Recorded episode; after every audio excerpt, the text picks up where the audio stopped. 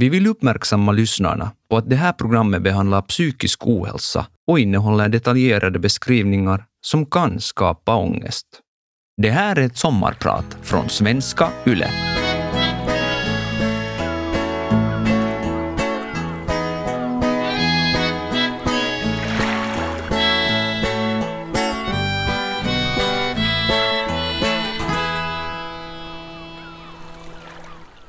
Jag vaknar med ett ryck. Jag är hemma på jullov som jag har från mina nyligen inledda studier till närvårdare. Jag ser på klockan. Den visar 03.10. Det är på natten till torsdagen den 3 januari 1994. Jag inser att jag vaknat av ljudet av ytterdörren som slagit igen. Den kalla känslan jag har i magen kommer av tanken som nyss flög genom mitt huvud. Nu åker min pappa och tar livet av sig. När mitt vakna medvetande fått vända och vrida på den här tanken somnar jag i förvissningen om att han antagligen skulle välja att ta livet av sig med mediciner. Och några sådana har vi inte hemma nu. Nästa gång jag vaknar är klockan elva på förmiddagen. Jag vaknar av att min barndomsvän kommer in i mitt rum och säger Det har hänt något med Leif. Jag ser på henne och säger Jag vet, han är död. I efterhand har jag funderat, men kom aldrig att fråga varför det inte var mamma som kom och väckte mig. Det självklara svaret, tror jag, är att hon helt enkelt inte klarade av att se hur ont det gjorde i mig. Mitt nästa minne är att lillebror hämtas från skolan. Min mamma berättar åt honom i hallen. Jag gömmer mig i ett av sovrummen. Det här kommer att följa mig under många år som ett av de värsta minnena från den här tiden. Min bror skriker rakt ut när han får beskedet. Ett smärtans vrål. När han lugnat sig säger han, nu har pappa valt det här, så då får vi acceptera det. Han skulle fylla 13 år inom nio dagar, min bror. Den natten gick mitt 17-åriga jag sönder. Synen på vuxenvärlden fick sin dödsstöt och min omvärld rämnade. Varifrån kom den blixtklara sanningen att min pappa skulle ta livet av sig? Någon psykolog förklarade åt mig att det troligen berodde på att vi hade ett väldigt nära band.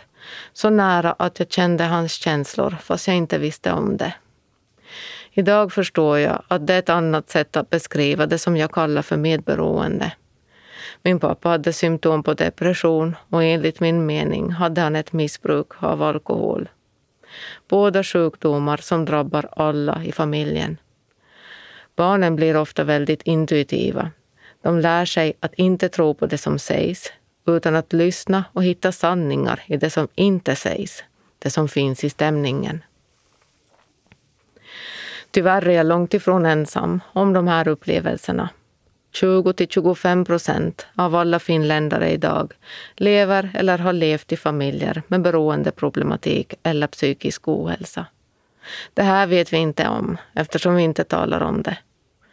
Jag har vikt mitt liv åt att tala om det. Att ta bort den skam och stigma som finns runt de här sjukdomarna. Jag har vikt mitt arbetsliv åt att jobba med anhörigproblematik, speciellt hos barnen och ungdomarna.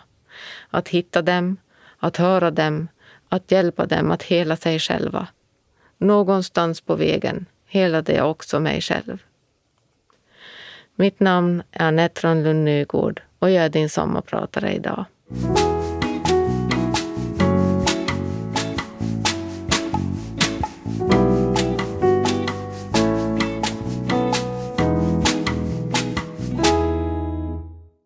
I juni 2020 förlorade jag en av mina bästa vänner. Mitt största fan, fundamentet i min barndom och uppväxt. Hon som alltid tyckte att jag hade rätt, också när jag hade fel. Hon som älskade på ett sätt som jag inte vet om jag själv har förmågan till. Hon som älskat fram mig och min bror. Jag förlorade min kära mamma Asta. Tillsammans hade det blivit hon och jag mot världen. Det var hon och jag som visste vad depressionen, ångesten, sömnsvårigheterna och missbruket hade gjort i vår familj. Tillsammans hade vi bevarat hemligheten och tillsammans, fast ändå ensamma, hade vi tagit oss igenom min pappas självmord, fått folk av min lillebror och oss själva likaså. Jag var ofta den som satte ord på det som behövde sägas. Många gånger för tidigt och för rakt på sak. Vi har gått igenom hårda stunder men lyckades ändå alltid bli vänner igen. Vi visste båda att jag hade burit henne genom svåra stunder men jag tror ingen av oss visste hur mycket hon faktiskt hade burit mig. Det insåg jag först då jag tog avsked av henne. Då insåg jag också att jag tyckte att jag borde ha kunnat rädda henne från att dö. Precis som jag borde ha räddat min pappa. Det händer någonting med rollerna i en familj då sjukdomar som depression och alkoholism kommer in. Det händer något i relationen till den missbrukande föräldern, men också till den andra, den ofta medberoende föräldern. Hemma hos oss blev jag den som var förstående, som fixade, som bar, som hanterade, som såg helheten, som aldrig gav upp, som modigt stred för de svagas skull. Hos oss blev jag den som tog ansvaret. Inte för att någon sa att jag skulle göra det, utan bara för att det låg närmast min personlighet. Jag hade ansvaret för hur familjemedlemmarna mådde, hur relationerna mådde och framför allt att ingen skadade någon av dem som hörde till min familj. Det här ledde till att jag aldrig hemma berättade om mina egna problem eller om det som jag tyckte var jobbigt. Helt vardagliga saker som alla barn och ungdomar är med om. Bråk med kompisar, elaka kommentarer, osäkerheten som jag kände inför mitt eget utseende. Jag ville helt enkelt inte belasta mina föräldrar med mina problem. Det jag däremot gärna visade upp var provresultat och betyg.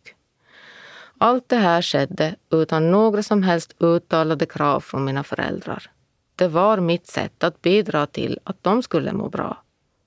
Det här blev grunden till mitt eget medberoende, min egen anhörigproblematik.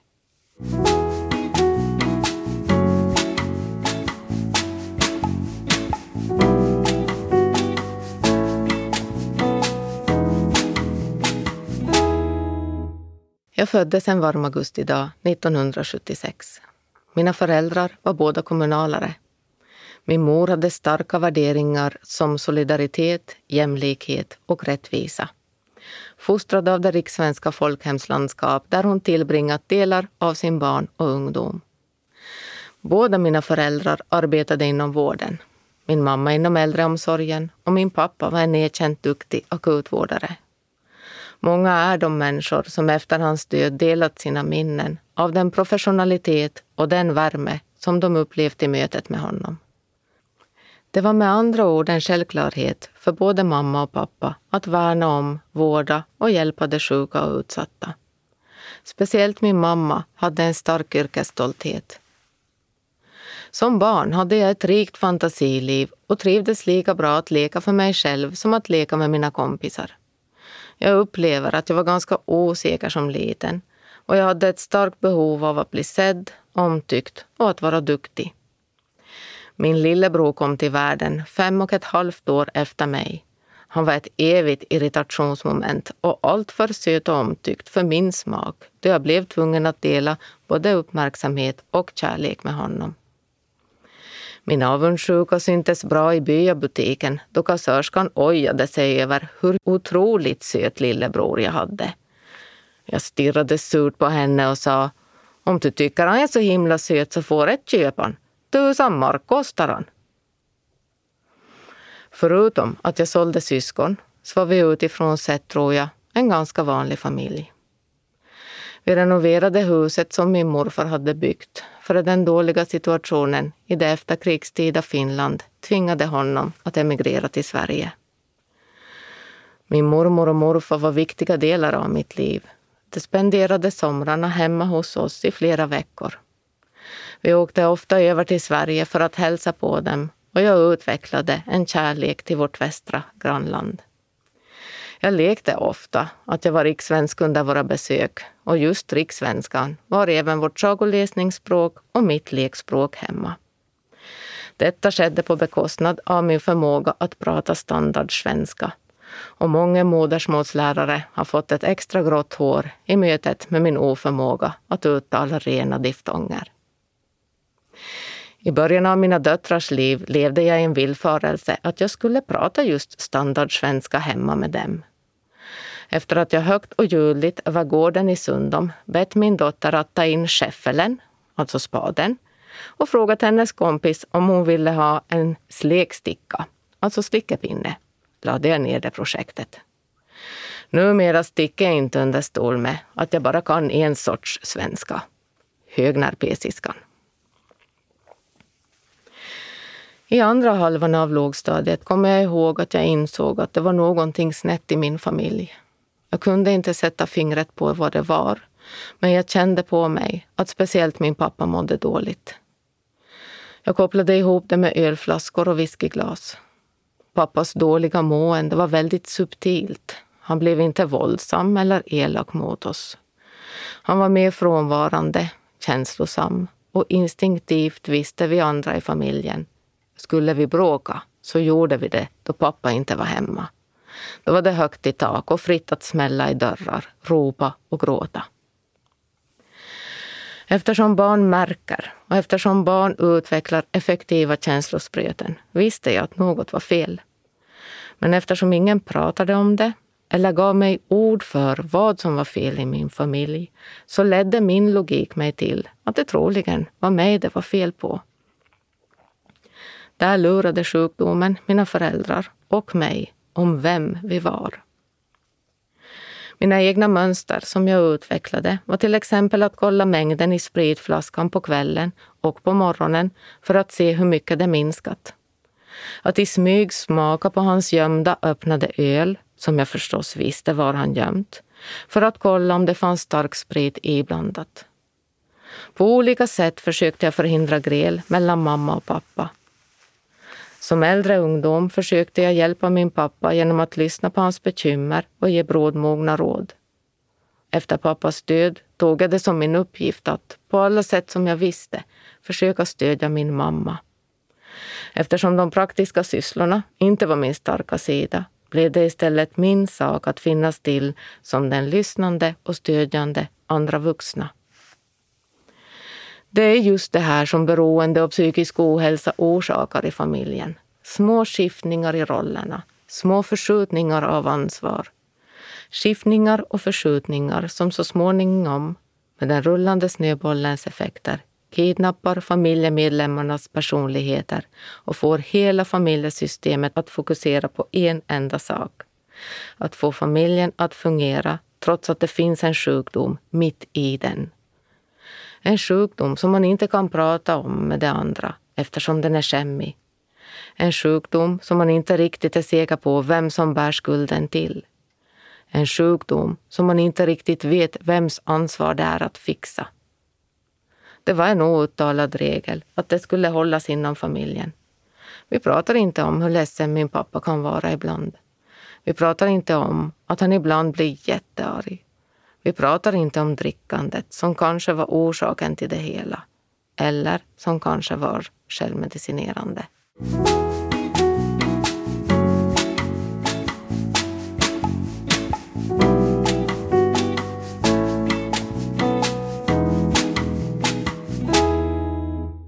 Barn som växer upp i familjer med psykisk ohälsa och eller beroende måste gissa sig till vad som är normalt.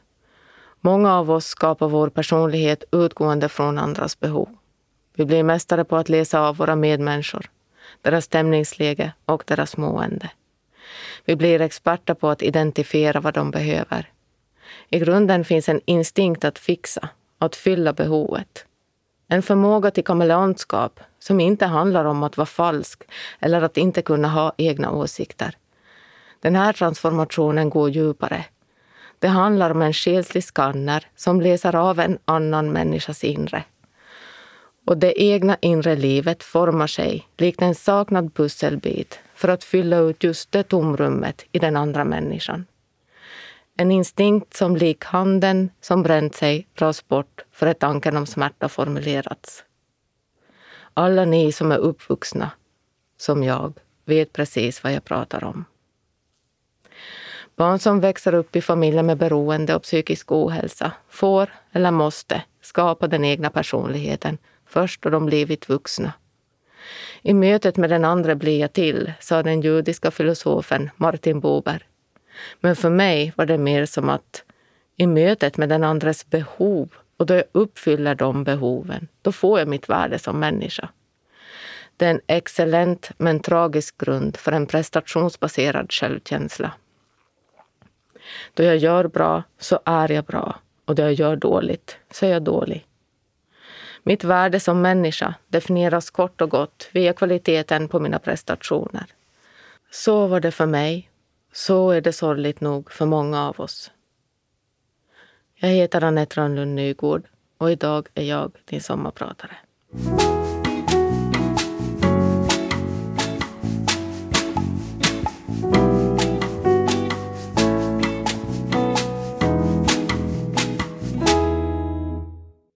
Jag bläddrar i mina dagböcker från tiden efter pappas självmord.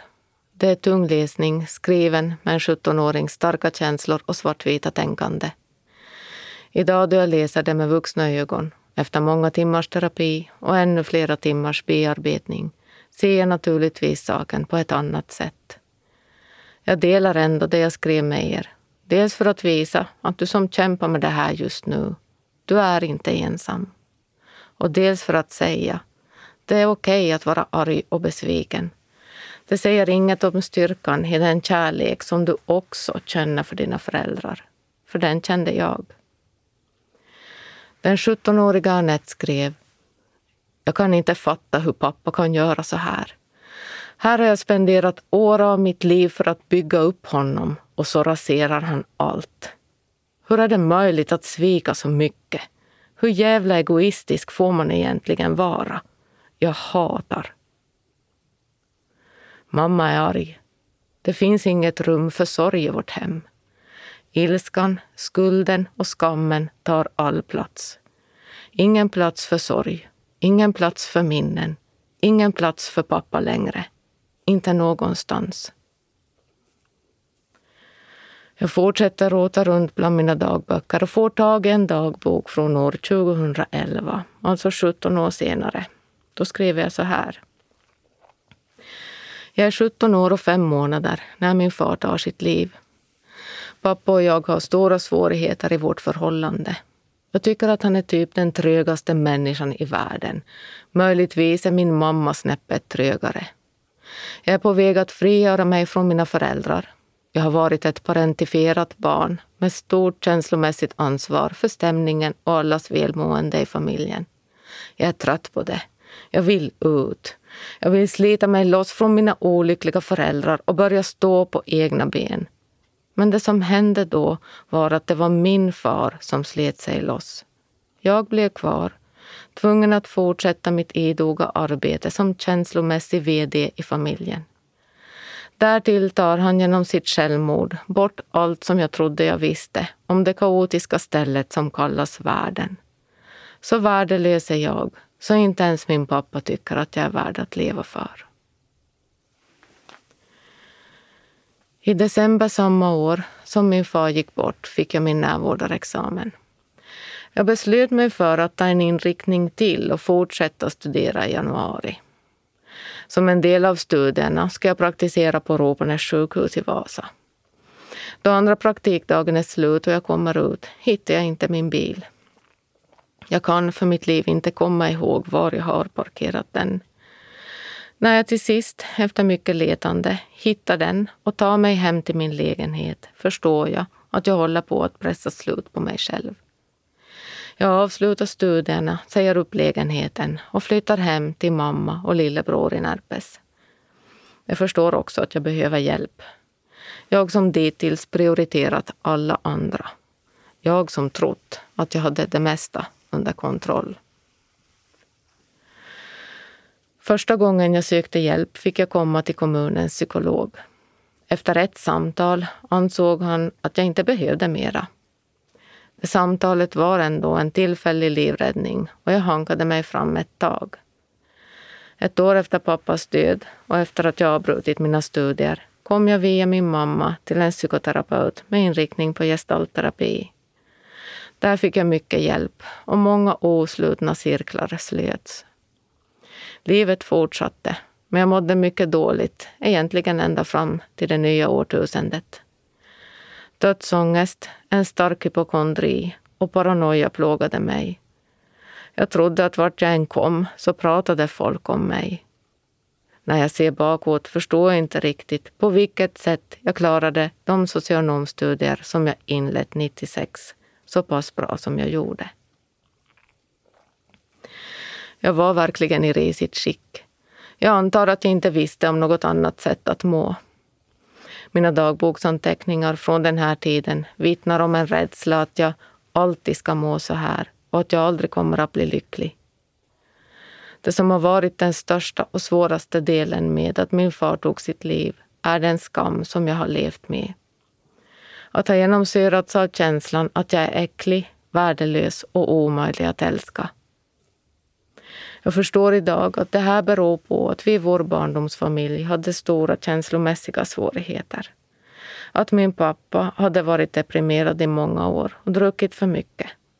Att min mamma hade fullt upp med att försöka rädda min pappa och sitt äktenskap. Att jag var duktig och blev en känslomässig regulator i familjen och min fars terapeut. Det fanns inte resurser att spegla mig och min känslomässiga utveckling. Det fanns annat som var viktigare. Den egentliga vändpunkten kom under mina studier till familjeterapeut. Den gruppterapi som ingick i utbildningen helade mina sår.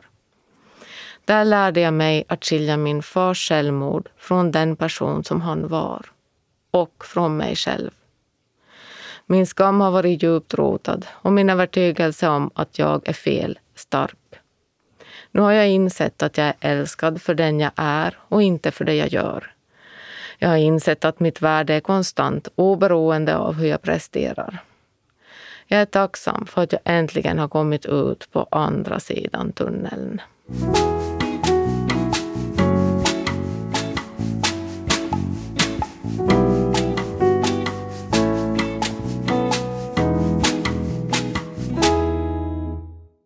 Jag hade ett mål med mitt yrkesliv. Det stod klart redan då jag gick i nian. Jag ville jobba med personer som har olika sorters missbruk och beroende. Som 24-åring började jag jobba på behandlingshemmet Pixnekliniken i Malax. Med allt för lite ödmjukhet och ganska mycket självförtroende inledde jag den bästa skolningen en människa kan få. Jag har lärt mig nästan allt jag vet om missbruk av de underbara människor som var klienter och som jag träffade där. Folk frågar ofta hur det kommer sig att jag valt att arbeta inom en så här svår bransch. Jag brukar svara att det är oftast de människorna som har för lite skinn på näsan för att klara sig i vår hårda värld som utvecklar missbruk. Och en nykter eller drogfri, tillfrisknad beroende person är det mest genuina som man kan hitta på vår jord. Efter fem år på Pixnekliniken insåg jag att vi hjälper personer med beroendeproblematik och vi hjälper vuxna personer som är medberoende. Men ingenstans såg jag barnen som levde i de här familjerna. Också de borde ha samma rätt att träffa andra i liknande situationer och att få hjälp, tänkte jag. En idé formades i mitt huvud. Jag delade den med ett par kollegor och år 2005 höll vi vårt första läger för barn som lever i familjer där det finns missbruk eller beroende. Fyra tjejer kom. Samtliga har vi kontakt med ännu idag. Se mig-verksamheten var född. 15 år senare får jag möjligheten att återvända till Understödsföreningen för svenskspråkig vård för att åter få chansen att jobba med mitt livsverk. Nu har jag jobbat så pass länge inom branschen att jag börjat se att barnen till mina klienter på behandlingshemmet kommer med sin egen problematik. Unga vuxna och vuxna personer med utmattningssyndrom, ångest, depression eller eget missbruk. Människor som inte fått hjälp då de växte upp och hade missbruk eller psykisk ohälsa i familjen. Personer som inte blivit sedda eller hörda och som inte ens fått veta att de vuxit upp i en familj med en sjukdom. Personer som inte fått hjälp med att bryta det mönster som ofta funnits över generationer. Samtidigt som jag börjar på mitt nya jobb ordnade föreningen en namntävling och namnet Ninni ersatte Se mig. Mitt och föreningens uppdrag blev att jobba vidare med att lyfta fram den här bortglömda målgruppen och skapa möjligheter för dessa barn och unga att få professionellt stöd. Ninni, för de bortglömda barnen, har i dagsläget knappt 100 olika barn med i verksamheten. På ett år har antalet insatser och deltagare fördubblats. Vi har stödgrupper som träffas en till två gånger i månaden i tre olika kommuner och städer i svensk Finland. Vi ordnar aktivitetsdagar och läger för barn i lågstadiet, högstadiet och för unga vuxna. Vi åker ut till skolor och barnskydd och träffar barn och ungdomar för att få med dem i vår verksamhet. Våra målsättningar är enkla. Vi vill ge barn och unga möjligheter till resor och upplevelser. Möjligheten att träffa andra barn som förstår hur det är. Vi skidar slalom, åker Ålandsbåt och är vakna allt för länge. Låta barnen vara barn helt enkelt. Samtidigt som vi pratar med dem om svåra saker, det som är jobbigt just då. Vi vill berätta för dem och för de vuxna som arbetar med dem. Beroende och psykisk ohälsa är en sjukdom. En sjukdom som drabbar även barnen. Till barnen säger vi, det är inte ditt fel. Det är inte din sak att fixa din förälder. Du har rätt att ta hand om dig och må bra. Och vi måste prata om det här, för det är inget att skämmas över. Vi berättar att din förälder inte är sin sjukdom. Din förälder har en sjukdom. Din förälder är inte en dålig förälder. Din förälder har en sjukdom som påverkar föräldraförmågan. Vi säger till de här barnen, du är inte ensam. Det finns andra som har det som du. I ärlighetens namn är det inte jag som gör jobbet. Barnen och ungdomarna hela sig själva i mötet med andra som har det som dem. Mitt uppdrag är att skapa förutsättningar för att de här mötena ska ske. Jag är välsignad. Tänk att få skapa mening av det egna mörkret och göra det till någon annans hjälp. Ibland kan jag inte förstå hur lyckligt lottad jag är att verkligen få göra det jag brinner för och dessutom kalla det för mitt arbete. Den pågående pandemin har fört med sig mycket smärta i världen. När det gäller just mitt arbete med Ninnibarnen och ungdomarna har coronan ändå i viss mån förenklat arbetet att hitta dem. Många barn och ungdomar som lever i de här familjerna gör det helt utan omvärldens vetskap. Tyvärr är det lättare än vad många tror att dölja dessa problem. Och barnen är ofta lojala med sina föräldrar och mästare i att få allt att se normalt ut. Under normala skolförhållanden kan man göra sig själv halvt osynlig och liksom försvinna i mängden. Men när skolorna stängde och hemundervisning och distansstudier infördes blev det plötsligt tydligare vilka barn och familjer som behöver hjälp. Tack och lov har vi inom Ninni-verksamheten kunnat fånga upp många av dem som annars kanske ännu skulle kämpa helt ensamma med sina problem. Ändå är det endast en bråkdel som vi har hittat. Det finns barn i Svenskfinland, Finland, Finland och världen som är i stort behov av hjälp just nu. För dem har pandemin gett svåra konsekvenser. De har berövats möjligheten till kontakten till de personer som jag brukar kalla vikarierande vuxna. Vikarierande vuxna kan till exempel vara skolans städare, skolgångsbiträdet eller läraren. Kanske en ungdomsledare, sånglärare eller fotbollstränare. Den äldre damen som bor i grannhuset eller kanske kompisens föräldrar. Av de här vikarierande vuxna får barnen den bekräftelse och den handledning som inte finns att få hemma. Dessa kontakter kan vara helt avgörande. De restriktioner som nu råder klipper banden till de viktiga vikarierande vuxna och gör det omöjligt för barnen och ungdomarna att få spegla sig i andra utanför hemmet. Pandemin och restriktionerna har tyvärr ökat användningen av alkohol i hemmen och den psykiska ohälsan hos den vuxna befolkningen. Barnen kommer i kläm. Här har vi alla ett ansvar. Det är verkligen ingen kärnfysik det här utan det handlar om att modigt axla sitt vuxenansvar och praktisera medmänsklighet. Sänd ett sms. Erbjud promenadsällskap eller läxhjälp. Erbjud din tid.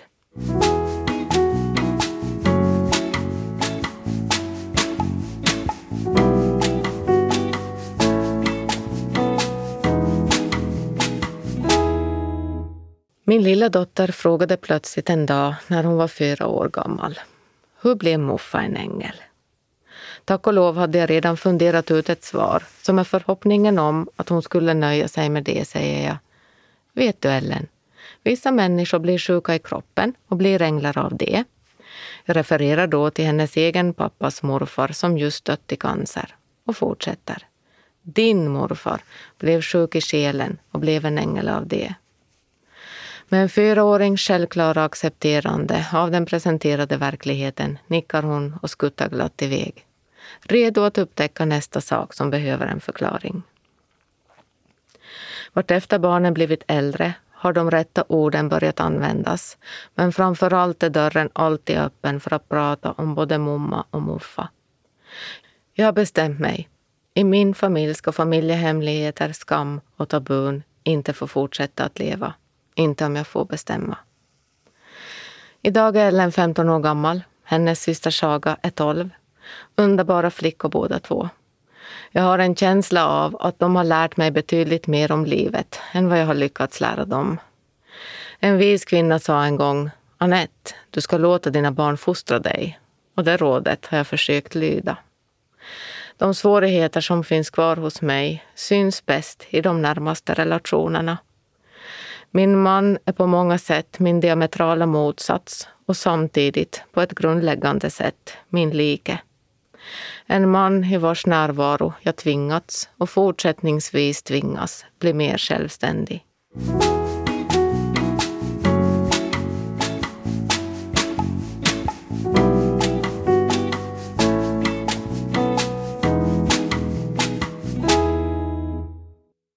Jag har tidigare berättat min historia i tv i programmet Himlaliv som sändes år 2019 Programmet ligger kvar på Yle Arenan om du vill se det.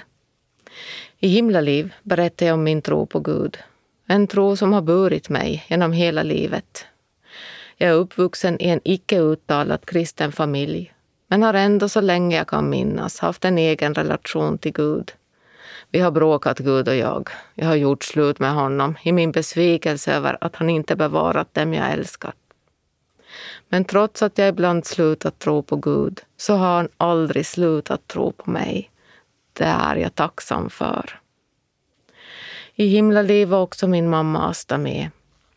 Jag har ännu inte sett programmet efter hennes död, men snart ska jag göra det när jag är redo.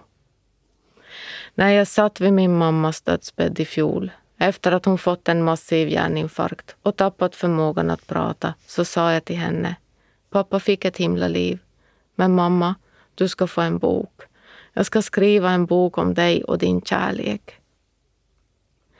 Eftersom mamma aldrig i detta livet insåg sin egen stora roll i våra liv och inte heller sin roll i att vi blivit de vi blivit, såg hon inte ut att gilla den där bokidén speciellt mycket. Det hon däremot gillade, jag rent av älskade lite grann, var den här radiokanalen och Vegas sommarpratare. Därför är jag extra tacksam för att kunna säga Tack mamma för att du älskade mig, både döva rebellen och tapetblomman, hjälten och den duktiga. Tack för att du var med så länge, att du hann älska fram den Anette som jag var menad att bli. Om det blir en bok eller ej, det får vi se. Men mamma, du fick ett sommarprat. Det fick också du som lyssnade. Tack för att du tog dig tiden. Kom ihåg att detta är min historia. Kom ihåg att ingens historia är identisk med någon annans. Kom ihåg att sjukdomen inte drabbade bara mig, utan i allra högsta grad mina föräldrar.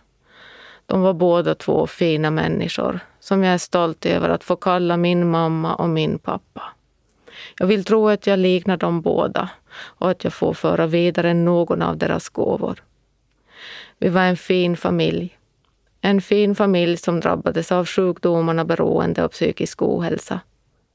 Jag vill uppmana er som hör detta att ta er tid att lyssna på de barn och unga som finns i just er närhet. Att höra deras historier. Var modiga och närvarande vuxna. Blunda inte. Våga finnas där. Våga fråga hur det är. Hur känns det? Vad behöver du? Vill du att jag ska gå? Eller vill du att jag ska stanna här med dig? Att våga se, våga fråga och våga lyssna räcker långt. Mitt namn är Anette Rönnlund Nygård och idag har jag varit din sommarpratare.